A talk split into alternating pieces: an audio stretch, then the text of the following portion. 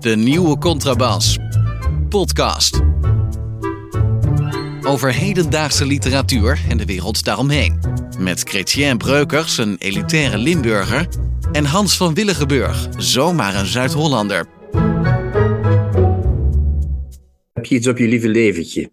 Uh, we gaan de, de wijde wereld in. We, we, Ah. hebben, we hebben tot dusver hebben we, eh, 78, even- a- 78 afleveringen lang hebben wij eh, in de beslotenheid van grotendeels, eh, met, met kleine uitzonderingen, grotendeels de wereld van de literatuur besproken in onze, op onze eigen veilige huisadressen. Maar eh, we gaan de wijde wereld in binnenkort. En helemaal naar het verre, wat was het ook alweer? Rotterdam, of niet? Eh, we gaan, eh, om te beginnen zijn we volgende week komen we deels uit Zaandam. Oh Eh, ja, de Zaandam alternatief, natuurlijk. waar een zogenaamd alternatief boekenbal gaat plaatsvinden. waar ik ook Ja. zelf een en ander ga presenteren. een nieuw boek. Daar zal ik verder niet over uitweiden. En ehm, op 28 oktober staan we me- op Woordnacht. literatuurfestival in Rotterdam. Ja. En de belofte is, en ik denk dat dat wel gaat uitkomen, is dat we onder andere met eh, mensen als Adria van Dis, eh, Lale Gul en Jeroen Vullings aan tafel eh, gaan zitten. En het schijnt zelfs dat Marcel Meuring graag aanschuift. Oh, wat leuk. Die hebben we nog heel liefdevol besproken toen hij bij Donner allerlei interviews deed, weet je nog? Zeker. Dat zal hij dan wel niet gehoord hebben als hij graag aanschuift. Nee, dat is wat mensen. Nee. Misschien zegt dat iets over onze eh, eh, ja, eh, relatieve onbekendheid. Zou ook kunnen, natuurlijk. nou, na, de- na die woordnacht weet hij het wel, denk ik. Hmm. Ja. Dan zullen we hem dat wel een stukje laten horen eerst. Ja.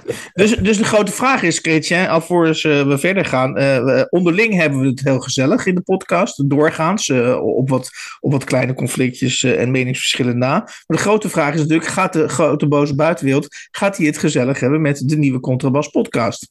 Volgens mij wel. Adriaan van Dis is sowieso fantastisch. Hè? Dat is net alsof je dat is zo'n oom op een familiefeest die altijd alles leuk vindt. Hè? Weet je nog? Dus hij zit wel eens bij talkshows met allemaal van die jonge schrijvers waar hij naar kijkt als een eend naar het onweer. Maar dan vindt hij toch altijd fantastisch. Dus dat komt allemaal goed, joh.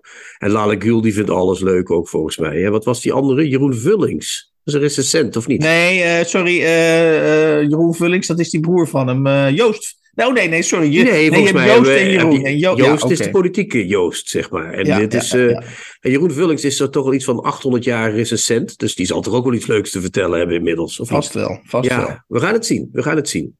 Ehm, jij sloeg aan, eh, want we, dat zal de luisteraars niet verbazen. We hebben een onderlinge appgroep. nou ja, een groep is een groot woord. eh zitten Zitten- wij, eh Chrétien en ik, vooral in. En Erik. En eh, jij sloeg deze week aan, dus dat, dat gaan we gelijk de intro ingooien. eh, op de Van Ark-prijs, die gewonnen is door Peter Verhelst. Een, een, een, een beroemde, eh, in, in, in literaire kring althans, beroemde Vlaamse schrijver. ja, nou, het heet de, Arkprijs van het Vrije Woord, heet het. Die is opgericht door de beroemde Vlaamse schrijver, klassieke schrijver Herman Teerlink. Die niemand meer leest, denk ik eerlijk gezegd. Bijna niemand. Eh, het is een beroemde prijs. eh, eh, beroemde winnaren. Hugo Claus, Louis Paul Boon, Christine de Haan, Tom Lanois, enzovoort, enzovoort. Mhm. Die is dit jaar gewonnen door Peter Verhelst dus. Hè? De, de, de dichter en romancier. En Peter Verhelst kreeg die prijs. En een paar weken later heeft hij een, hoe noem je dat, een oproep in de standaard geplaatst. Eh, als nieuwe hoeder van het vrije Belgische woord. En dat ga ik even voorlezen. Stond op de voorpagina van de standaard, toch een serieuze krant in Vlaanderen. eh, stond een tekst in chocoladeletters. De Telegraaf eh, zou er zijn handjes van, voor, voor aflikken. Het stond op de voor, voorpagina van de letterenbijlage. Zullen we alle mogelijke varianten vinden op de zin: wees niet bang. Zeg, durf te denken. Durf. Zeg, hou vol. Geef niet op. Misschien buigend, maar wel zonder door de knieën te gaan. Wankelend en toch door de knieën gaan. En weer overeind komen. Trots en nederig tegelijk. Kruipen, lopen, baggeren, vallen.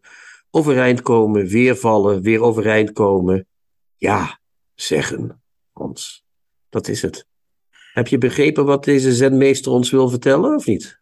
Nou, ik, ik heb het vage idee dat hij ons wil bemoedigen, dat hij ons kracht wil geven. We moeten ja zeggen. Staat niet bij waartegen. Ja tegen hogere gasprijzen. Ik weet het niet. Ja tegen de oorlog in de Oekraïne. Zou kunnen. Je weet het niet. We moeten ja zeggen, Hans. We moeten kruipen. We moeten baggeren. Ja, als ik Peter Verhels was en uh, ieder jaar een prijs won, zou ik ook zeggen: jongens, uh, hè, kop op, schouders eronder, op de knietjes en weer verder. Toch?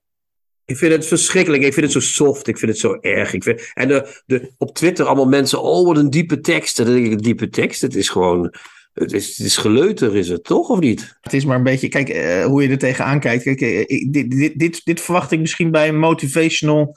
Uh, dat je dus na een, een, een, dag lang heb je allerlei motivational speeches. Je moet je, je, moet je organisatie op orde brengen. Je moet je winst. Of nee, dat, dat, moet je dus kansen. juist niet doen. Je moet niet je winst verdubbelen. Maar je moet, je moet, nou, je moet, je, nou ja, je moet allerlei dingen. En dan aan het, aan het slot komt een, komt een Vlaamse dichter, Peter Verhelst. En die gaat dan deze tekst uitspreken. En uh, ja. ja, dan, dan denk ik eerder aan een motivational congres dan aan een. Uh, ja, aan een ja, ja, Het is een echte schande. Het is een schande dat zo iemand die prijs krijgt. Ik zal je ook nog eens iets. Want prijs is blijkbaar in handen gevallen van een stelletje half uh, woke types. Er staat onder andere Yves Tjoen, hoogleraar letterkunde. die zegt de literaire productie van Verhelst is een, zegt in het juryrapport, de literaire productie van Verhelst is een creatief en al even indrukwekkend voorbeeld van hedendaagse literatuur engagé. In het oeuvre wordt het gemakzuchtige sociaal en markteconomisch denken gedeconstrueerd, geparodieerd, geperverteerd, perverteerd, ontgaat. Alsjeblieft. Vind je dat niet fantastisch? En hij krijgt die prijs onder meer omdat hij de grote uitdagingen van deze wereld, oorlog, klimaat, ongelijkheid, naijver, tracht te counteren met ongeremde schoonheid, verbondenheid en open discussie. Nou, dat, bij, bij, die laatste woorden moet ik echt een klein beetje overgeven in mijn mond, eerlijk gezegd. Bah, ja, je, je kunt dat zeggen, zijn dan schrijvers, Hans. Wat is je dat hebt, voor wel, je hebt wel alles in één keer gecoverd hè, met zo'n verklaring. Nee, dit is verschrikkelijk. Dit is echt, echt, echt heel erg. En de, Louis Paul Boon hè, die, en Terling die draaien zich om in hun respectievelijke graven. Ik weet het zeker. Ja. De arkprijs van het muffe woord. Bah, foei. Daar sloeg ik op aan, ja. Inderdaad. Het, het mag maar weer duidelijk zijn.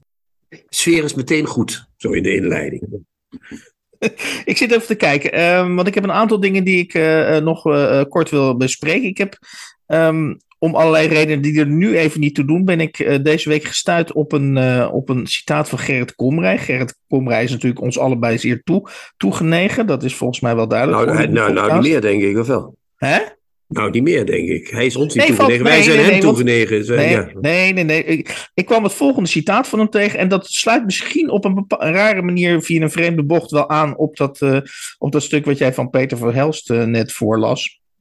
Ik denk namelijk dat uh, uh, het wel aardig is om um, onze podcast. Um, wij hebben natuurlijk, een, laten we eerlijk zijn, uh, je mag protesteren, maar we hebben een tamelijk formalistische opvatting van literatuur. In de zin van uh, literatuur is voor ons een wereld op zich met eigen wetten, eigen regels en uh, eigen kwaliteitscriteria.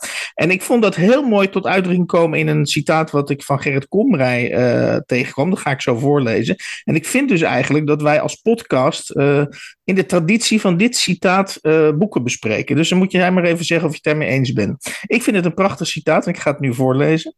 Een citaat van Gerrit Komrij. Ik weet niet uit welk boek het komt. Het stond, ik kwam het tegen op internet en het luidt als volgt. Ik ben, al schrijvend, niet geïnteresseerd in de waarheid. Mijn enige zorg is dat de laatste zin een beetje past bij de voorlaatste. Ja, dat is mooi. Maar ja, dat vind ik nou niet echt geweldig. Jij wel? Nou ja, ik denk wel dat het, het is bijna een soort, uh, uh, ik lees er toch een soort beginsel, bijna een beginselverklaring in. Namelijk dat de, de literatuur, uh, en dat, dat, dat merk je natuurlijk ook uit die juryrapporten die jij net voorlas, het moet allemaal een commentaar zijn op de samenleving, op de maatschappij. Het moet daar een onderdeel van zijn. Het moet daar uh, uh, hervormingskracht uh, uitstralen. En dan zegt Gerrit Kom, Komrij, ik ben als schrijvend niet geïnteresseerd in de waarheid. Ja, dat is waar. Maar dat, is, dat zijn geen tegenstellingen. Het spijt me zeer. Ik ben, ik ben streng vandaag, maar het zijn ja. geen tegenstellingen, Hans. Uh, het is trouwens uit Herementijd, als ik het goed herinner. Ik durf mm -hmm. te wedden dat het uit Herementijd exercities en ketelmuziek is. We zoeken het later op. Um, maar die, uh, die, de tegenstelling zou zijn tussen iemand die vindt dat je literatuur geëngageerd moet zijn. En de, die denkt ook uh, misschien niet zozeer dat de waarheid, maar die denkt dat er een doel is. En iemand die geen doel heeft per se met dat schrijven. En dat is niet zozeer dat je niet de waarheid zoekt. Kijk, Komrij probeert een beetje te badineren van eh, dat de ene zin op de andere. Maar dat is ook een beetje zo van, kijk mij eens even stoer doen. Hè? Ik, ik, mag, eh, ik mocht hem heel graag, maar dat is, het is geen tegenstelling. Dus ik zie de tegenstelling eerlijk gezegd niet. Dus ik kan ook niet met jou in discussie treden over de tegenstelling. Maar ik ben wel iemand die een formalistische literatuur, in die zin dat literatuur een eigen wereld moet zijn. En daarbinnen moet iedereen allemaal doen wat hij wil. Maar dan, ja, dat is weer wat anders, denk ik. Oké. Uh, heb ik tot slot nog, uh, ga ik ook even aan jou voorleggen. Uh, wij hebben een aantal um, afleveringen geleden hebben we het over de kwaliteit van internetrecensies of, of, of recensenten op internet gehad. Daar kwam een vrij genuanceerde conclusie uit, namelijk dat soms internetrecensies inderdaad beter zijn, langer, meer diepgravend uh, dan recensies in de krant, maar dat de kwaliteit ook heel erg op en neer gaat op, op, op internet. Nou, behoorlijk op en neer, mag je wel zeggen, toch? Ja.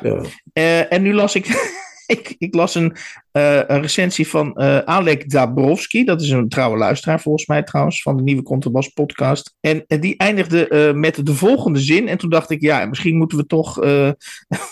hier ga ik ook van gruwen. dan zegt hij in de slotzin... nou, misschien gaat het te veel in op details. En dan zegt hij aan het eind... Maar het geheel, en dan heeft hij dus over het boek De Geliefden van mevrouw Kranendonk, zegt hij, maar het geheel is uitstekend leesbaar. Ja, prachtig. Dat is wel mooi. Dat is bijna net zoiets als uniek proza, wat Thomas de Veen ooit zei. En weet je niet? Het is heel leesbaar. Dat klinkt een beetje zo van, uh, ja, dat is net als als je ergens gegeten hebt. Ja, het ging wel. Het was goed binnen te houden. Het was niet, uh, het was niet heel slecht. dat is heel grappig. Wat ik leuk vind aan mensen die uh, wel vaak schrijven, want Alec schrijft veel. Maar mensen die Net alsof, en je hebt soms wel eens het idee dat mensen niet voelen wat ze opschrijven. Of, of dat ze denken, ja, ik schrijf het en dat lijkt dan, dat is dan een staande uitdrukking. Weet je wel, heel leesbaar. Maar dat, je, je moet je ook contextbewust zijn. Als je dat gebruikt op zo'n plek als einde, ja, voor zo'n schrijver is dat, voor zo'n auteur die die recensie krijgt, is dat natuurlijk dodelijk. Heel leesbaar.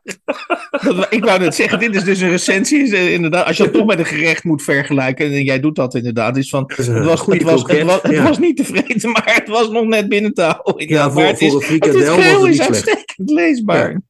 Met een beetje mosterd erbij was het nog wel wat geworden. Ja. Mijn hemel, wat wordt er toch veel afgeleden in de wereld, Hans. Maar we moeten ja zeggen van Peter Verhelst. Tips van de week. Boeken, artikelen of pamfletten die boven het maaiveld uitsteken. We wijken met de rubriek tips iets, iets wat af van het normale strabien. Normaal bent u van ons gewend dat wij twee boeken bespreken en uh, niet uit luiigheid, want we gaan dat later inhalen. Uh, gaan we dit keer ons uh, allereerst concentreren op één boek. En dat boek is uh, geschreven door Carl Zelig, S-E-L-I-G. En het boek heet Wandelen met Walser. En dat verwijst naar de Zwitserse schrijver Robert Walser. Ja. Wandelingen met Walser, hè? niet wandelen met Walser, maar wandelingen met Walser. Oh, sorry, ja, ja, ja. ja. Maar dat zijn inderdaad, dat is een boek over wandelingen met Robert Walser. Dus de titel had niet beter getroffen kunnen zijn door Zelig dan in dit geval. Ja, want het boek gaat van A tot Z. Uh, ik zou bijna van stap tot van stap tot stap tot stap. Gaat het over uh, zijn, uh, zijn wandeltochten met Robert Walser. Klopt. Die Robert Walser is een heel fascinerende figuur. Heeft geleefd van 1878 tot 1956. En vanaf 1929 zat hij in diverse klinieken. Uh, omdat hij geestelijk een beetje van het paadje raakte. Om wandelmetaforen te blijven gebruiken. Uh, in 1933 kwam hij in een gesticht terecht. En daar hield hij op met schrijven. Toen hield hij ook helemaal op met schrijven. Dat heeft, dus hij heeft de laatste 23 jaar van zijn leven geen letter meer op papier gezegd. Hij zei ook. Ik ben hier niet om te schrijven, ik ben hier om gek te zijn, zei hij in het gesticht. Dat natuurlijk een fantastische opmerking is. Hè? Dat is toch, alleen dat al, dat zinnetje is al fantastisch. Had Maarten Biesheuvel zich er maar aan gehouden op het laatst van zijn leven. Dan waren we ook van die rare laatste teksten af geweest.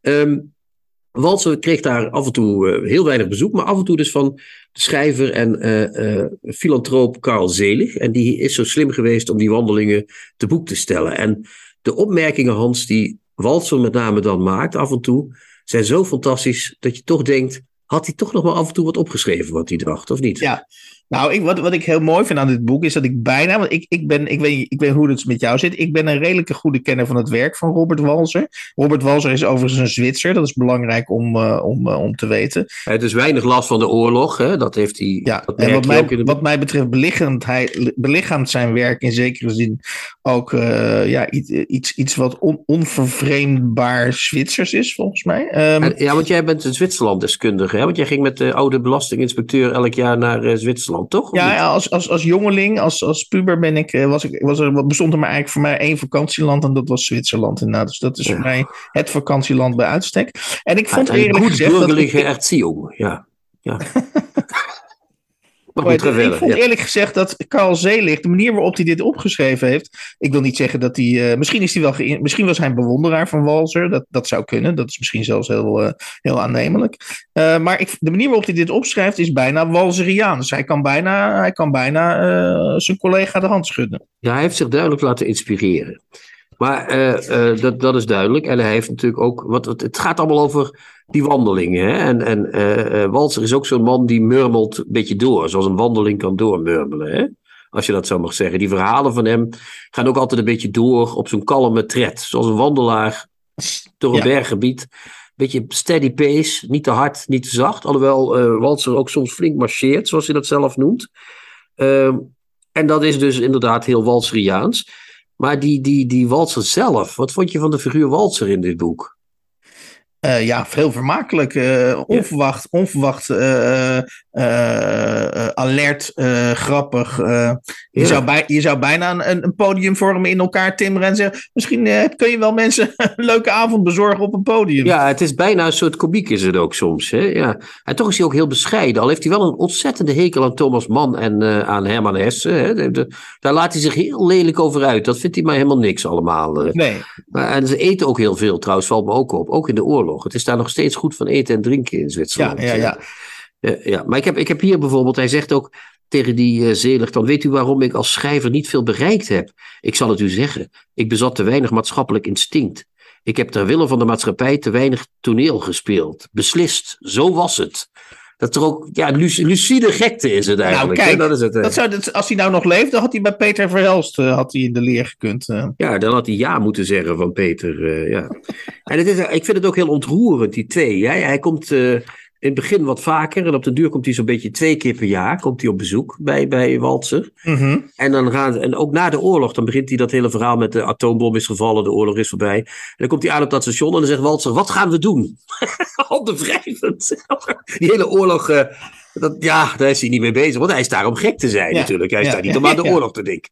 En uh, dan gaan ze dus steeds uh, vaak, zo, zo op de duur twee keer per jaar is er nog zo'n wandeling. En dan op tweede, op de eerste kerstdag van 56, dan, uh, die gaat ook altijd met kerstmis een keer, die zelig. En op eerste kerstdag 56 gaat hij niet, want dan heeft hij geen tijd of hij is ziek. Uh, en dan krijgt hij de dag daarna telefoon dat uh, de heer Walser is gevonden in de sneeuw. Want hij was op weg gegaan om te wandelen, want die man ja. had zo'n ijzeren ritme. Hij hielp in het gesticht met schoonmaken en hij ging dan wandelen smiddags. En hij is daar gevonden in de sneeuw. Dat is toch werkelijk een hartverscheurend beeld. Zo'n eenzame man die uh, 23 jaar in dat gesticht heeft gezeten. 23 jaar in een gesticht, Hans. Ja, ja, nou ja, jij woont al je hele leven in Rotterdam, dus dat is ongeveer hetzelfde. Maar probeer het je voor te stellen. dat je 23 jaar in een gesticht zit, dat is echt hartstikke ja. lang. Ja, en wat ik ook heel mooi vind aan, aan, aan, het, aan de figuur Walzer en aan, aan, aan, ook aan dit boek, is dat hij heeft iets onaanraakbaars. Hij heeft iets heel... Hij uh, houdt zich ook bang, heel erg hij is, bang, hij is bang voor het... Hij is in feite... Eigenlijk is zijn hele oeuvre is doortrokken voor, voor, van angst voor het leven. In feite zijn al die wandelingen zijn eigenlijk ook vluchtwegen uit het normale bestaan. En dan uh, citeer ik even pagina 31 en dan staan ze, uh, staan Carl Zelig en Robert Walser staan samen bij een gebouw. En dan zegt uh, Robert Walser zegt het volgende, dat vind ik ook echt schitterend. Want de Carl Zelig wil naar binnen, die wil dit gebouw bestuderen. En dan oh, ja, uh, komt ja. Walser, die komt in een weigerachtige houding. En dan zegt hij: Het is allemaal veel mooier van buiten. Je moet niet achter alle geheimen willen komen. Daar heb ik me mijn leven lang aan gehouden. Is het niet mooi dat zoveel in ons bestaan vreemd en eigen, eigenaardig blijft, als achter muren van klimop? Dat geeft het een onnoemelijke bekoring, die steeds meer verloren gaat. Tegenwoordig wordt alles brutaal, begeerd en in bezit genomen. Ja, dat, dat, ja, dat is eigenlijk, ja, dat is, dat is toch ook zo'n parel van een opmerking, is dat toch? Nou ja, je kunt je natuurlijk altijd afvragen, is dat niet achteraf gestileerd door Carl Zeelig? Nou ja, maar, ik, ik heb het idee dat hij toch nog wel aardig wel bespraakt was, uh, die man. Uh, ja, als ik ja, dat ja, zo precies. lees. En, en, en wat, wat ook, ja, wat, dat is ook helemaal de kern, ja, inderdaad, wat jij zegt. Dat hij, hij blijft buiten staan, hè, letterlijk, zijn hele leven. Op een gegeven moment is ook de zus van hem is, uh, doodziek en dan wil hij hem graag nog een keer zien. Dan zegt hij, nee, nee, nee, nee, nee, daar kunnen we niet aan beginnen, want dan komt het werk in de kliniek uh, komt dan uh, in de war. En dan zegt hij bovendien, ben ik niet ook ziek? Zegt hij dan, hè? Heb, ja, leid ik niet ook? Zegt hij dan, ben ik niet, ik ben toch ook hartstikke ziek? Dus waarom zou ik naar mijn dode. Nee, zulke sentimentele fratsen, daar beginnen we niet aan, zegt ja. Ja, het is eigenlijk, om even de analogie met Zwitserland, hè? Dus, dus je zou kunnen zeggen, Wals, Walser bezondigde zich niet aan het leven, of bleef daar bewust buiten staan. Zo blijft Zwitserland als land natuurlijk ook bewust buiten de EU uh, staan. Dus, dus het is eigenlijk een land wat, wat, wat chronisch ja, chronisch stilstaat, uh, zou je op een bepaalde manier. Of, of heel lang in zijn eigen idylle blijft geloven. Zoals Walser ook eigenlijk met hand en tand in zijn eigen idylle blijft geloven. Uh, even verderop uh, in het boek, dat heb ik ook nog genoteerd. er is namelijk een, een, een pocherige instellingsarts in dat gekke huis ja, ja, ja, waar hij zit. En die schrijft in zijn vrije tijd toneelstukken. En dan, dan ontspint zich de volgende scène. Uh, uh, er is net een toneelstuk opgevoerd van die instellingsarts. En die gaat dan uh, trots naar Walser toe. Want hij had dus kennelijk wel al een zekere reputatie. Hij was op bescheiden schaal in Zwitserland een beroemdheid. Is mijn triomf, zegt de in instellingsarts, mijn triomf u al ter oren gekomen? En dan zegt Walser. Ik heb gezwegen zoals meestal. en dan Walser. Ik heb gezwegen zoals meestal in zulke gevallen terughoudendheid is het enige wapen dat ik bezit. Uh, dat had voor mij betreft de titel van, uh, van het boek mogen zijn. Terughoudendheid is het enige wapen dat ik bezit. En mijn toekomst, uh, mijn, en mijn toekomst in mijn bescheiden positie. In mijn bescheiden positie. Ja, ja. schitterend. Ja. En nog, nog, nog één ding, als ik dat, ja, ik, ik, over elkaar heen, ja, ja, over deze Zwitserland van de literatuur. Ja. het heeft ook iets herenleed achter soms, hè? Want ze gaan allemaal de hele tijd, gaan ze, Mooie ze gaan de, vergelijking, ja. ja. Ze gaan de hele tijd op weg naar een restaurant, zijn ze, of op weg naar iets. En dan. En hij heeft ook soms zijn kleren heel raar zitten, walsen. Dan heeft hij zijn das helemaal scheef. En dan gaat hij naar het to toilet. En dan komt hij terug met zijn das de andere kant scheef op. Weet je wat? Dan is het nog steeds scheef, maar aan de andere kant. Maar dan hier ook op het station, bladzijde 151. Robert met paraplu, maar zonder jas. Ik met jas, maar zonder paraplu. Ik weet niet waarom, maar dat vind ik meteen ontzettend komisch. Dat je, dat je de een heeft de paraplu, maar geen jas. En dan, nou, het, het, het, is, het is echt ja, het is een, een, een ongewoon uh, leuk uh, boekje. Het is maar 170 bladzijden, maar het is een fantastisch boek. Is. Ja, het is een fantastisch boek. Dus uh, mocht mensen nog in twijfel verkeren naar onze bespreking, uh, wil je aangename uurtjes doorbrengen met twee vermakelijke heerschappen die door het Zwitserse landschap banjeren, koop dit boek. Um, van Karel Zeelig, Wandelingen met Walser. Vertaald door Machteld Bokoven.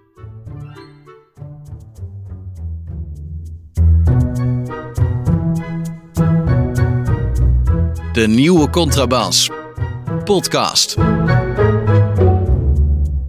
Bij ons is uh, de Vlaamse schrijver Yves Petrie. Uh, als ik die klemtoon goed leg. Um, Heel juist. Ja. Heel goed. Uh, hij heeft zojuist, het boek is zojuist verschenen. Overal zit mens, een moordfantasie.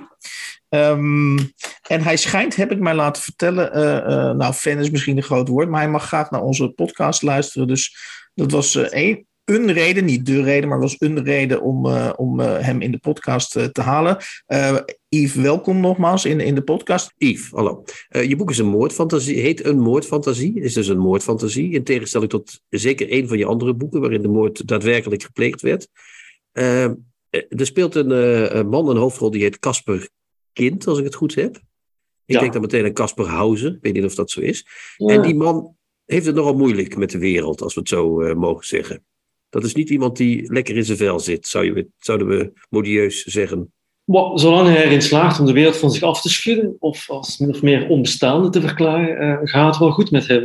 Ja, ja, en daarom woont hij ook in een bos. Dat doet hij trouwens niet alleen omdat de wereld hem niet zo sympathiek is, maar ook omdat hij dat uh, voor zijn vak uh, moet doen. Want hij is iets van. Een soort ja, een bomendeskundige, zoiets. Bosingenieur. Uh, bosingenieur. En hij voert de leiding over een team van boswerkers of boswachters in een bos, het bos Pirandel. Dus, uh, dus daarvoor moet hij in het bos zijn. Maar hij woont er ook, dat is niet strikt noodzakelijk. Dat is omdat hij uh, ja, het gevoel heeft dat overal mensen zit. En Juist. dat gevoel wil ontduiken. Zolang hem dat lukt, gaat alles vrij goed met hem. En Ja, dat klopt, ja. Maar toch gaat het in de loop van het boek steeds iets minder met hem, als je dat zo zou kunnen zeggen. Uh, hij heeft onder andere niet alleen last van de hele mensheid, maar ook meer specifiek deels van zijn familie. Hij heeft een zus die Eva heet.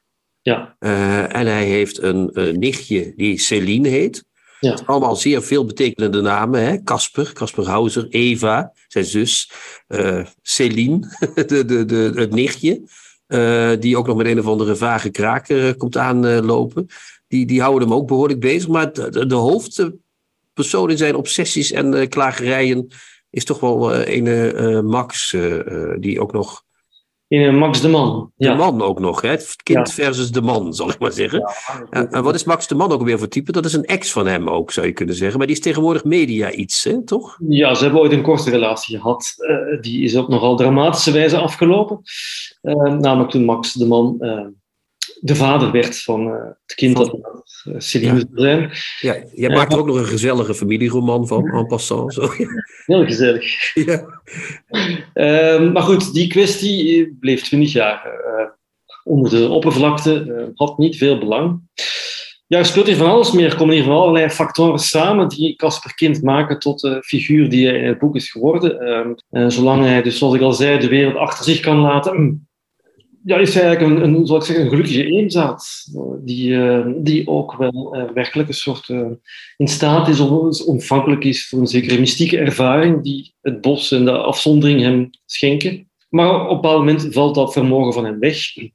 Ook al omdat het bos zelf in verval is. Dat is één van de betekenissen van de titel. Overal zit mens. heeft te maken met ja, klimaatopwarming, milieuverval. Uh, um, overal laten mensen sporen, zijn chemicaliën, zijn vuil, zijn invloed, zijn...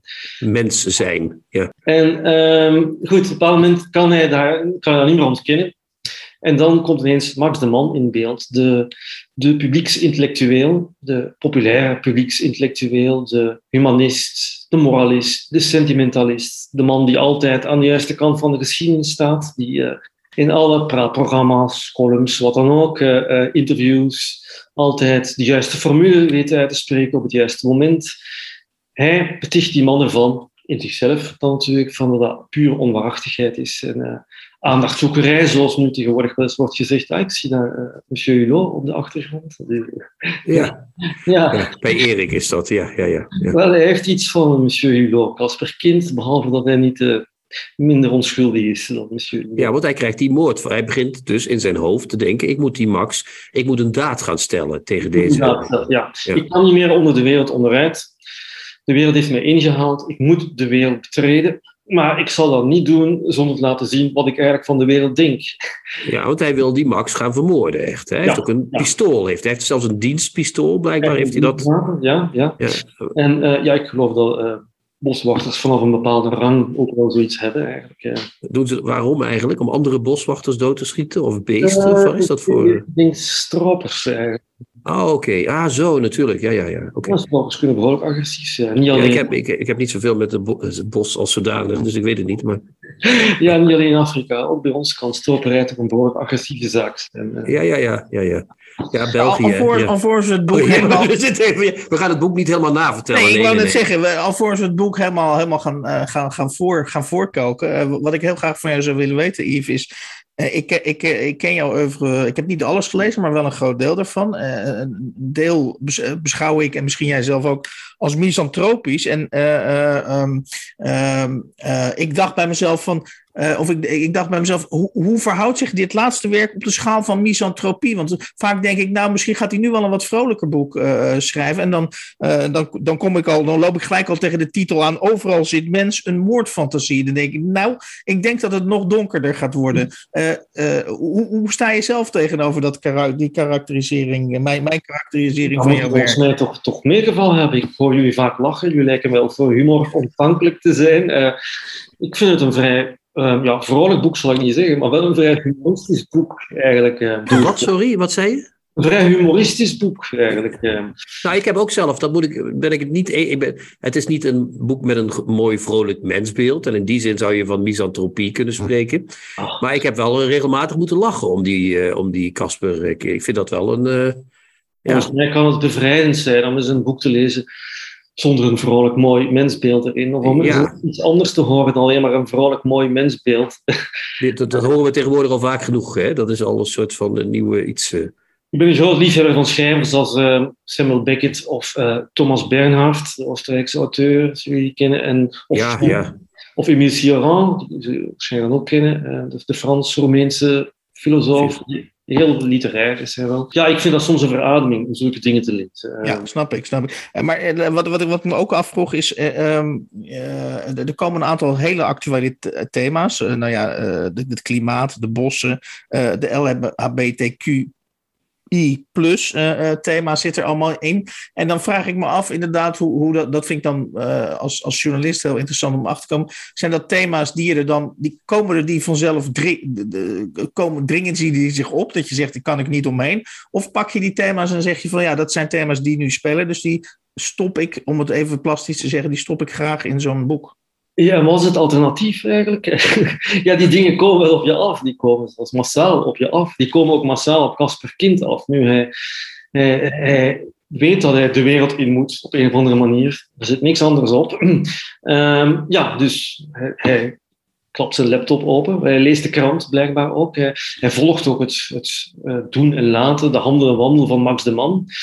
En dan komt hij al die thema's tegen, ook omdat Max de Man zelf natuurlijk zich profileert op die thema's. Zeker, En zeker. die gaat zich zelfs met het bos bemoeien. Dat is wel de druppel die de emmer doet overlopen. Dat is het truppel die hebben we het over. Ja. Ja, als hij als die een serie gaat maken over het bos, dan denkt hij van ja, Ja. nou, nu is het punt bereikt waarop ik echt niet meer. Maar Ja. wat Hans misschien ook bedoelt, maar misschien bedoelt hij het niet, dan moet hij het maar zeggen. Ja. Is, is Yves Petrie bezorgd over het klimaat? Of is dat, eh, heb je het alleen louter als literaire thematiek gezien? Ja, als het over klimaat gaat, nee. Ik ben al een ecologist van toen er in West-Europa nog geen groene, groene partijen bestonden. Ik ben al een ecologist van, als, van kindsbeen af eigenlijk. Oké. Ja, dat had ik nou niet verwacht, dat antwoord. Gek genoeg. Ik dacht, eh, Ja. ik had je altijd gezien als iemand die op zijn, eh, ik neem maar, in Brussel woon je, weet ik niet, maar eh, eh, dat je op, je op je appartement zit, eh, die welt afhandig, zo dat je daar. eh, Nee, nee, ik heb in. Brussel gewoond, maar ik woon nu in Leuven. En ik woon het bos Mirandel. Het- Er is in Leuven een groot bos, eigenlijk het grootste bos van Vlaanderen. Heet het Meerdalwoud. En eh, ehm, ja, bos Mirandel, die naam is daarvan afgeleid. En ik ja, ben daar heel vaak te zien. Ja, ja. Met je dienstwapen, Je, of komt niet? nog, je komt nog eerder mij tegen dan een. Maar je hebt geen dienstwapen bij je, als ik even mag. Nee, eh. ik ben- ben schrijver. Ik, eh, nee, Dus, dus Maarten Boudry hoeft zich nog geen zorgen te maken. Wat soms wel jammer is, maar het Wat, is- ze- ja, zeker, zeker. Ja. Dat kan ik me voorstellen, ja. Dat je daar wel eens af en toe denkt, nou, als niemand kijkt, zou ik even... Een andere observatie die ik heb eh, is dat wij, wij- zijn door die podcast, zijn Chrétien en ik, eh, ja, bijna eh, hebben we ons of zijn we bijna beroepslezers geworden, ook veel lezers. Eh, eh, en ik merk bij mezelf, volgens mij geldt dat ook voor Chrétien, is dat wij dat je daardoor een soort zin voor efficiency krijgt. In de zin van dat je denkt, hoe meer je leest, hoe meer je bij schrijvers denkt, eh, kan dit niet wat sneller? Hmm. Ehm, wat ik mooi vind aan jouw proza is dat jij ogenschijnlijk, als je je tanden ergens inzet in een personage, dan ga je hem ook helemaal vol, gevoelsmatig, ga je hem helemaal uiteenrijten gewoon. En het maakt het je echt helemaal niet meer uit, bijna niet meer uit hoe lang dat duurt. Eh, ja, maar ik ben, toch, toch zit er een zekere eh, economie in mijn schrijven, wel, vind ik. eh. Ik heb over dat personage. Het is een personage, het is geen neurotisch personage dat voortdurend terugkomt op zijn gedachten, of zich afvraagt, ja, maar ik heb dit nu wel gedacht, maar moet ik ook niet iets anders denken, want dit is niet redelijk. Nee, ik laat Hij is heel consequent, is die. ja, Ja. laat hem zo onredelijk zijn als hij eigenlijk is. En natuurlijk heb je daar dan bedenkingen bij. Want ja, eh, wat hij wil doen, een moord plegen, is toch nogal... De aanleiding is toch een beetje licht, al met al. Dat heb ik me ook wel eens afgevraagd. Heb je dat expres zo gedaan, of niet? Maar die bedenking laat ik hem nooit maken. Dat, Nee. dat, gaat- Maar dacht je dat zelf toen je het schreef dus? Ja, natuurlijk. Ja, ja, maar daar moet ik mij overheen zetten. Ja, ja. Ik, ik mag wel een neuroot zijn, maar ik wil niet dat hij de neuroot is die, die voortdurend twijfels heeft bij wat hij wil doen. Hij wil dit nu doen, hij wil dit zo goed mogelijk rechtvaardigen. En dat is waar bijna de hele roman over gaat. Het eerste deel dus. Uh, en, en, hoe werkt dat met jouw uitgever, uh, Yves? Ik, bij sommige, sommige schrijvers praten daar trouwens niet graag over. Misschien zeg je wel dat. Maar uh, sommige schrijvers zijn heel open over het feit dat uitgevers soms met tegenvoorstellen komen of hoofdstukken eruit halen. jij zegt, zei net van nou, ik laat me niet beperken of opjagen. Ik, ik, ik, ik, neem net zo lang voor die karakterisering of voor het uiteenrijten van een karakter als ik dat zelf nodig vind. Hoe werkt dat bij jouw schrijverschap? de, de, de uitgever knikt ja en amen?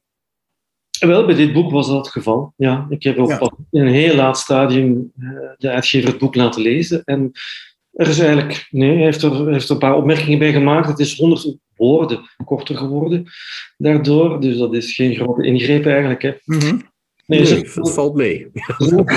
Ze, vonden het precies goed zoals het was. En, en ja. ja. Het is heel jammer dat we niet over het einde kunnen spreken, want dan geven we alles weg. Maar, uh... heel vriendelijk van jullie. Uh... Ja, ja, ja, ja. Maar die, die, die, niet vaak dat er suspense zit in mijn boeken, maar dit is een boek met een zeker suspense element, dus, dus laten we dat niet weggeven. Nee, maar die, die, die, uiteindelijk, hè, je hebt die hele figuur opgezet en hem op een soort Thomas Bernhard-achtige wijze laten doordenderen. Hè? Hij blijft maar doorgaan, van zo moet het en zo zal het gaan. Is hij jou sympathiek geworden of niet? Uh... Ja, je leeft wel twee, tweeënhalf jaar met zo'n stem. um, het klinkt wel heel dramatisch. ja, dat is toch wel iets. Dus je, kunt natuurlijk, je, moet daar, je moet daar toch een zekere sympathie voor gaan voelen. Ik begrijp hem heel goed. Ik begrijp hem heel goed. Als hij werkelijk bestond, zou ik hem afraden. Dat te doen? Ja, wat hij wil doen. Ja. Wat, wie, zou jij, wie zou jij willen vermoorden als je nou de kans kreeg? Hier heb je een wapen en je mag zonder dat, je, zonder dat iemand er ooit achter komt, mag je nu zeggen, die wil ik uh, even weg hebben. Daar moet ik nog even over nadenken. Ik heb maar, ik heb maar één kans waarschijnlijk. Je mag nu één woord en dan mag je één. Ik, ja, er zijn natuurlijk te veel opties, dat weet ik wel. Maar als je zegt, nou, is één iemand, daar heb ik echt heel erg. Uh, die wil ik wel graag even. Ja, zeg het maar even. Nee, toch niet? Nee, vraag bedenktijd. Hij, en misschien vult hij nog, uh, komt hij nog met een, een nazending, een mail. We hadden, het, we hadden het net over Peter Verhelst. Zullen we die misschien hebben? ja, nee. Dat is niet leuk, hè? Ja, dat is niet leuk. Nee, als ik maar één kans krijg, nee, dan niet Peter Verhelst. nee, oké. Okay. Ja, jammer.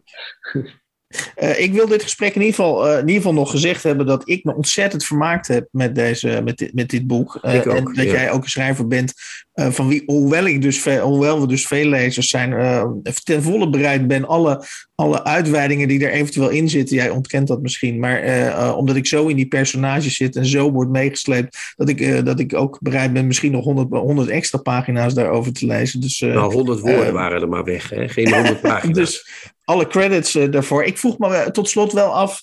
Um, voel je, uh, als, als we even de Nederlandse literatuur als een landschap uh, beschouwen. ik vind eigenlijk dat je de manier waarop je schrijft en, en, en, en de lijf en leden die je erin ogenschijnlijk ingooit. Dat ik jou een, een bijna een eenzaam. Oh, ja, heb je. Ja, laat, heb een eenzaam, een eenzame schrijver? Wat ja, nou ja, goed, maar ik heb altijd dit idee, uh, of tenminste, ja, dat jij ja, een, nou, soort eenmans, een, soort eenmans, eenmans uh, ja, ik zou guerrilla, klinkt zo, uh, klinkt zo heftig, maar ehm, een soort eenmans universum eigenlijk bent. Ja, ik weet niet. Ja, op grond, ik ben anders een, vriendelijk iemand, maar op grond van mijn boeken beschouwen journalisten die mij niet kennen misschien toch als minder aaibaar. Misschien al minder, mm zo minder makkelijk vragen, of zeker op televisie of zo, ja, waardoor je een, beetje meer geïsoleerd blijft. Um, soms vind je dat spijtig, soms vind ik dat gewoon zegen, eigenlijk. De, mm Al die schrijvers die al te vaak met een kop op televisie verschijnen, schrijven op den duur ook wel eigenlijk niet veel speciaals meer, zo vind ik. Dus, ja, dus, dus ja, dat is een beetje schipperen. Je wilt altijd wat meer bekendheid, je wilt meer gezicht. Aan de andere kant toch ook weer niet te veel. En, ja. ja. Dus, uh, automatisch bij Jeroen Olieslagers uit eigenlijk, of niet? ik probeer nog steeds die ene moordkandidaat uh, nog uh, op te werpen, maar, maar het lukt me niet, denk ik. ah, die zal misschien een lijstje van mogelijkheden ja, kunnen staan. Ja, ja, die staat wel hoog, denk ik. Ja, ik zie het aan je gezicht. Ja, je moet er ernstige zorgen gaan maken. Goed, Max de Man, Max de Man is iemand hij wordt ook voorgesteld als een, als een, uh, als een publieksintellectueel met een nog altijd op zijn vijftigste met fysiek appeal. En ja, zulke mensen zulke mannelijke publieksintellectuelen met fysiek appeal bestaan eigenlijk in Vlaanderen niet. Dus een één op één identificatie is, is, is onmogelijk. eigenlijk. Nou, in Nederland ook niet. Dat zijn meestal mensen van 80 of zo. Dat, eh, Maarten van Rossum of zo krijg je dan, dat soort. Ja, Hij heeft geen appeal, maar wel een publieksintellectueel. Ja, maar daar ga ik zeker niet op schieten natuurlijk. Nee, dat zou ook niet kunnen. Nee, dat moeten we niet doen. Nee. Goed. Nou ja, wat mij betreft kan dit eh, gesprek maar op één manier eindigen. Namelijk onze, onze luisteraars aan te sporen eh, dit prachtige boek te gaan lezen. Nou, dat is heel goed. Dank u wel. Ja. Dank. Overgewaardeerd. Boeken die te luid worden bejubeld. Thomas Verbocht wordt alleen maar beter. En hij was al zo goed. De Volkskrant, Hans. Er staat achter op de nieuwe roman deze prachtige aanbeveling Maak het mooi van Thomas Verbocht. We hebben dit boek allebei in handen gehad, kan ik wel zeggen, toch? Enige Ja, tijd. zeker. We hebben daarin rondgestoeid. We zijn daarin gaan, eh, eh, net zoals walsen, we zijn gaan wandelen. Hè? We, zijn, we, zijn, eh, we hebben onze wandelschoentjes aangetrokken. We zijn Thomas Verbocht ingetrokken. En ehm, ik kan zeggen, Hans, ik vond het om te beginnen, laten we maar meteen de spanning eruit halen. De spanning uit de lucht. Ik vond het een verschrikkelijk boek. Echt heel slecht. Ik herinner me het werk van Thomas Verbocht, waar ik een aantal titels uit gelezen heb als aardig, soms goed. Maar ik kon maar niet, wat het, die titel Maak het mooi. Ik denk, waarom deed hij dat dan niet? Waarom heeft hij het niet mooi gemaakt? Ja. Heb jij dat ook? Nou, eh, dit, dit, dit, wordt een een, dit wordt een eendrachtige co-productie, eh, kan ik verklappen. Eh, ik haal daarmee misschien wat spanning uit de lucht. Maar eh, eh, oh, eh, dat we nu Thomas Verbocht behandelen, is wat mij betreft in die zin eh, zeer urgent. Behalve dan dat er net een nieuw boek, Maak het mooi dus, eh, is uitgekomen. Is dat eh, ik bij Thomas Verbocht, en dit is een ernstige aantijging, ik realiseer me dat. Dat doe ik niet elke keer. Sterker nog, misschien wel de, de ergste aantijging en die ik eh, in eh 79 afleveringen van de nieuwe Contrabas podcast eh, gedaan heb. Ehm, als ik Thomas Verbocht lees en ik lees weer eh, dat onnavolgbare proza in de negatieve zin, zoals hij dat nu weer afgescheiden heeft, dan vraag ik me als schrijver af: waarom doe ik mijn best? waarom doe ik überhaupt mijn best? Als je, als je met dit soort zinnetjes ook kunt, weg, kunt wegkomen. Ik bedoel, eh, en, en, en ja, wat mij betreft, nog los van het feit dat ik, eh, dat ik Thomas Verbocht eh, op een bepaalde manier onleesbaar vind, ben ik er ook door ontdaan. Dat ik denk, ja, dit, dit, dit, is, dit wordt ook geschreven. En sterker nog, precies wat jij zegt, het wordt nog, het wordt nog tot mijn stomme verbazing, nog in de lucht gestoken ook. Ja, want het is namelijk zo dat hij sinds een jaar of. hij was altijd zo'n schrijver aan de zijlijn. die leuk meedeed. Hè, een partijtje meeblies. Eh, en sinds een jaar of vier, vijf eh, heeft hij het weemoedige proza ontdekt. En daar is hij ineens heel beroemd mee geworden. Dit boek is ook weer zo'n eh, zo'n zo'n boek waarin je denkt. Ik weet niet precies waar het over gaat. Het gaat over een man die zijn hele leven zo'n beetje. die blikt een beetje terug op zijn leven. Hè, met wat liefdes. Mhm. En hij gaat weer eens naar het pop, popfestival in Kralingen. Komt ook heel vaak terug bij Verbocht. Hè, een beetje zo die late jaren zestig sfeer, die hangt erin. En, en dat is nieuw in dit boek, en daar sloeg ik een beetje op aan van tevoren. eh, Nijmegen speelt een belangrijke rol. Hè? De- Ja. eh, en ook het Kronenburgerpark, waar ik nu, as we opneem, op uitkijk. Hè? Kijk op het Kronenburgerpark uit. Wat, wat, wat mij betreft is dus niet de aanleiding om het over Thomas Verbocht te hebben, per se zijn nieuwe, nieuwe roman. Maar het feit, het hè? feit dat, dat er een bepaald soort stijl is, die hij dus in mijn ogen hanteert, eh, die vrijwel onleesbaar of onbegrijpelijk is, maar, maar echt oprecht onbegrijpelijk. Ik heb daar zo ook een paar voorbeelden van. Ja, ja, ja. En, en, en dat of de recensenten het daar overheen lezen, of, of zeggen van ja, dat is functioneel of zo, maar ik begrijp het gewoon niet. Wansmaak is universeel, Hans. Dat is zo. Weet je wat het proza van. eh, Ik heb daar vanmiddag over nagedacht. Ik zat. eh, ik, moest in het, ik moest ergens heen. Ik kwam terug in de trein. En ineens dacht ik: ik heb hem. Het is. Je hebt wel eens dat je een zakje snoep koopt hè, op het station. En er is nog maar één ding. Er zijn alleen nog maar gummibergen. Hè. Dat zijn die, die Duitse snoepjes. Beetje zoet, eh, klef. En je neemt er één en denkt: Gadverdamme, dat is geen lekker snoepje. En dan op een gegeven moment heb je toch de hele zak op. En dat is het proza van eh, Thomas Verbocht. Het is eigenlijk vies. Maar je kunt het, net als eh, slechte televisieprogramma's, je kunt, erin, je kunt aan de gang blijven. Alleen achteraf denk je wel, ik voel me toch niet helemaal lekker. Na zo'n Ja, zakje maar ik denk dat de luisteraar nu, nu, nu die kan wel denken van nou ja, ze vinden duidelijk Thomas Verbocht niet zo'n goede Ja, schrijver. ga maar eens met een voorbeeld komen, lieve ja, Hans ik, en lieve maar wie, trapt af? Ik begin omdat het over, eh, het gaat op een gegeven moment is hij met iemand aan het wandelen, want hij is ook de hele tijd aan het wandelen in het boek. Hè? Dat is Thomas Walsen, maar dan veel saaier. Ehm, dan, gaat hij naar het, eh, dan loopt hij met een jookje en dan zijn, hebben ze het eerst hebben ze het over de Soft Machine. Dat is een band ook uit de eh, jaren 60, 70. Hè? En dan hebben ze het over de Kronenburg Singel, wat ik net zei, waar ik, eh, waar ik woon tegenwoordig. En eh, dan hebben we het Kronenburger Park. En dan zegt uh, de, de, de, de ik-figuur of de hoofdpersoon in het boek: Daar kom ik vaak. Ik heb er leren lopen. En dat is einde citaat. Maar dan komt de beschouwing. Ons huis op de Graafseweg was daar vlakbij. De etage hoog in het huis van de familie Muskens. Nog niet zo lang geleden teruggekeerd uit Nederlands-Indië. Dat niet meer zo heette, maar dat ze wel zo bleven noemen. Maar waarover we ze niet konden waarover ze niet konden ophouden te vertellen. Verhalen waarvan ik niets begreep toen ik iets minder kind was dan kort daarvoor en ernaar kon luisteren. Maar die toch grote indruk op me maakten, want er was iets mee, iets vreemds, raadselachtigs. Iets wat, me ze, iets wat ze mee hadden genomen. Je hoort het al aan Hoek voorlezen. Van de andere kant van de wereld en hier nooit thuis kon zijn. Ik zag er verschillende kleuren groen bij, vochtige warmte, sfeer die ik razend aantrekkelijk vond. Nou Hans, ik denk dat Thomas van Bocht hier een TIA heeft gehad. op zijn type Chinees gevallen. En er zijn letters uitgekomen. En toen dacht hij, ja, staat eigenlijk wel leuk zo. Die familie Muskus en dat Indische. En dan doen we nog een beetje sfeer. Iets raadselachtigs. nog een TIA. Huppakee. Maakt het uit allemaal. Nou, Snap jij wat ik hier verteld heb? Ik niet hoor. Ik heb het al ja, en als ik het al snap, en als ik het al snap, denk ik van uh, knip het op in ordentelijke zinnen. In plaats van in een soort, soort drap die met, met komma's die maar doorgaat. Inderdaad. Ja, het is misschien een soort. Je hebt ook van die tubus, hè, dat van dat vulmiddel, alabastine of zo. En dat doe je dan, een knijp je op, dan komt zo'n wit streepje uit. Zo'n zo soort proza is het ook. Het is gummibeertjes en witte streepjes die door het... Uh... Mag ik ook nu? Ik ja, hebt, heb je ook een leuke... Ik heb je ook een, ook een, helemaal... Uh, helemaal Kom op, okay. ja, ja, ja, ja. Ik denk aan alles wat te gebeuren staat. En als je daaraan denkt, begint het al te gebeuren. En met wat begint te gebeuren, gebeurt ook alles wat daarna gebeurt. Je kunt er niets aan veranderen. Alleen aan jezelf. Maar je doet er vast langer over te weten hoe dat gaat. Ik moet er niet aan denken. Ik wil er helemaal niet aan denken. De stilte om me heen denkt namens mij. Ja, dit is prachtig. Dit is toch.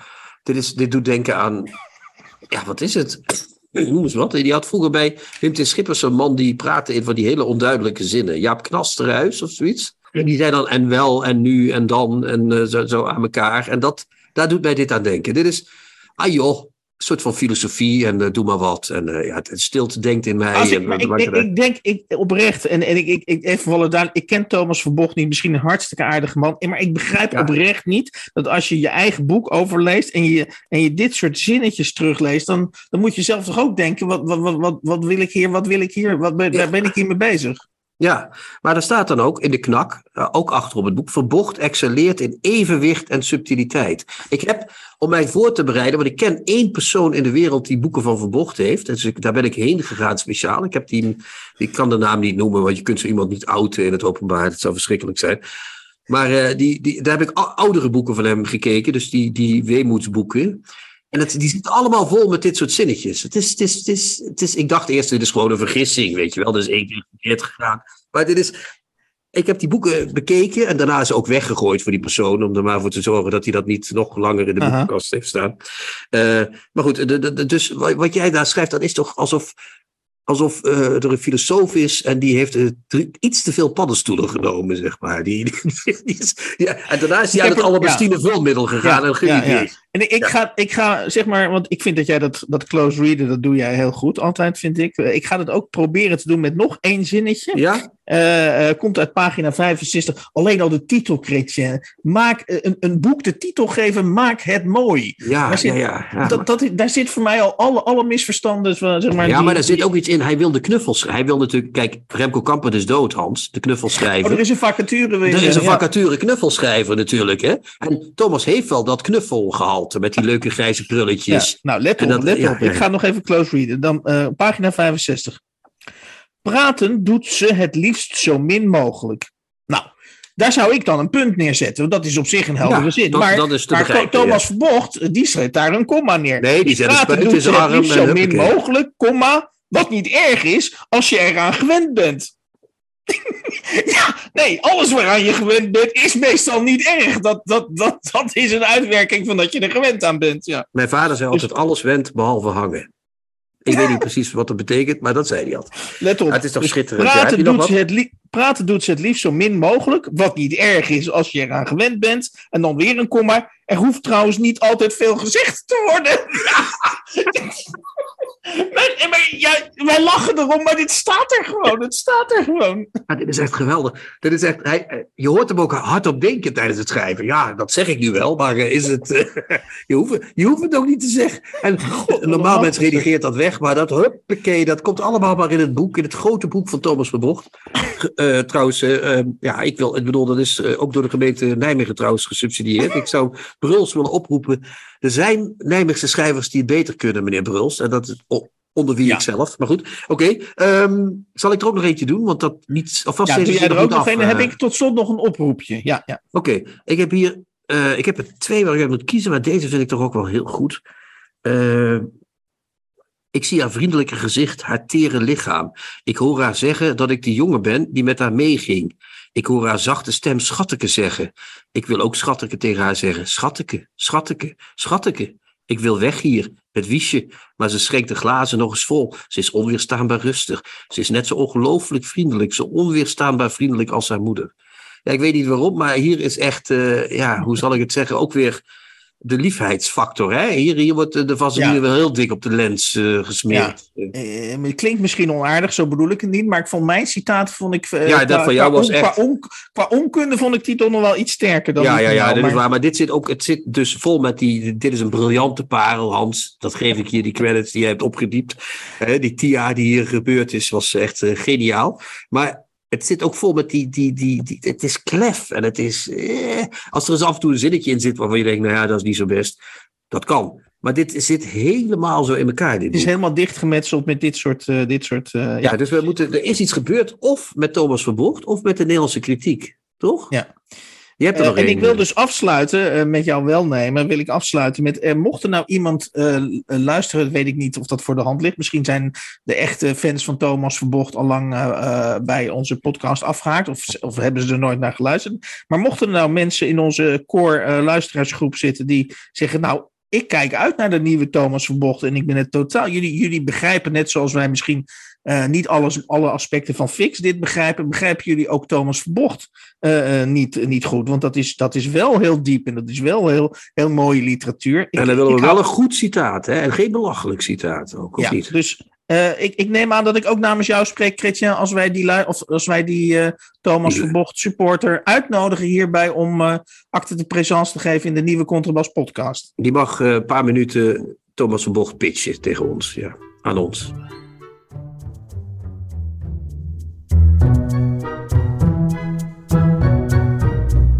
De nieuwe Contrabas.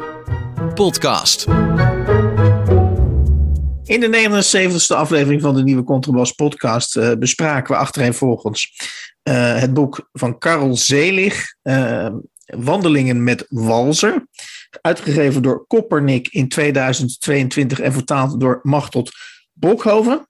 Verder voerden we een gesprek, prettig gesprek mag ik wel zeggen, met de Vlaamse auteur Yves Petrie. Eh, over zijn eh, nieuwe roman Overal zit mens, een moordfantasie uitgegeven in 2022 door Das Mag.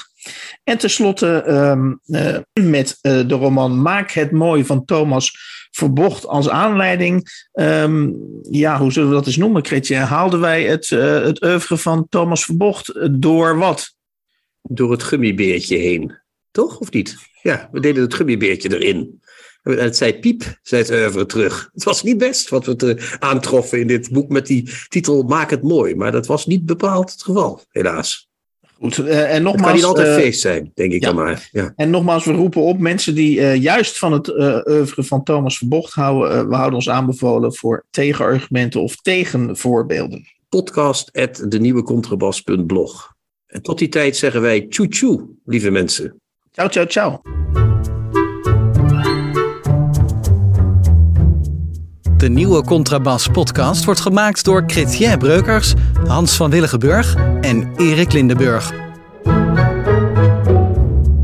Kijk jij ook elke week uit naar de nieuwe Contrabas podcast? Voeg dan de daad bij het woord en word officieel supporter. Dat kan al vanaf 1 euro per week, oftewel 52 euro per jaar. Draag je ons een heel warm hart toe, dan kun je ook Golden Supporter worden voor 104 euro en Platinum Supporter voor 208 euro per jaar. En wat krijg je daarvoor terug? Dan luister je met nog meer plezier naar ons uitgesproken geluid wekelijks over literatuur. En wat je ook geeft, ga naar gofundme.denieuwecontrabas.blog. Nog één keer? gofundme.denieuwecontrabas.blog. Hup, hup, hup.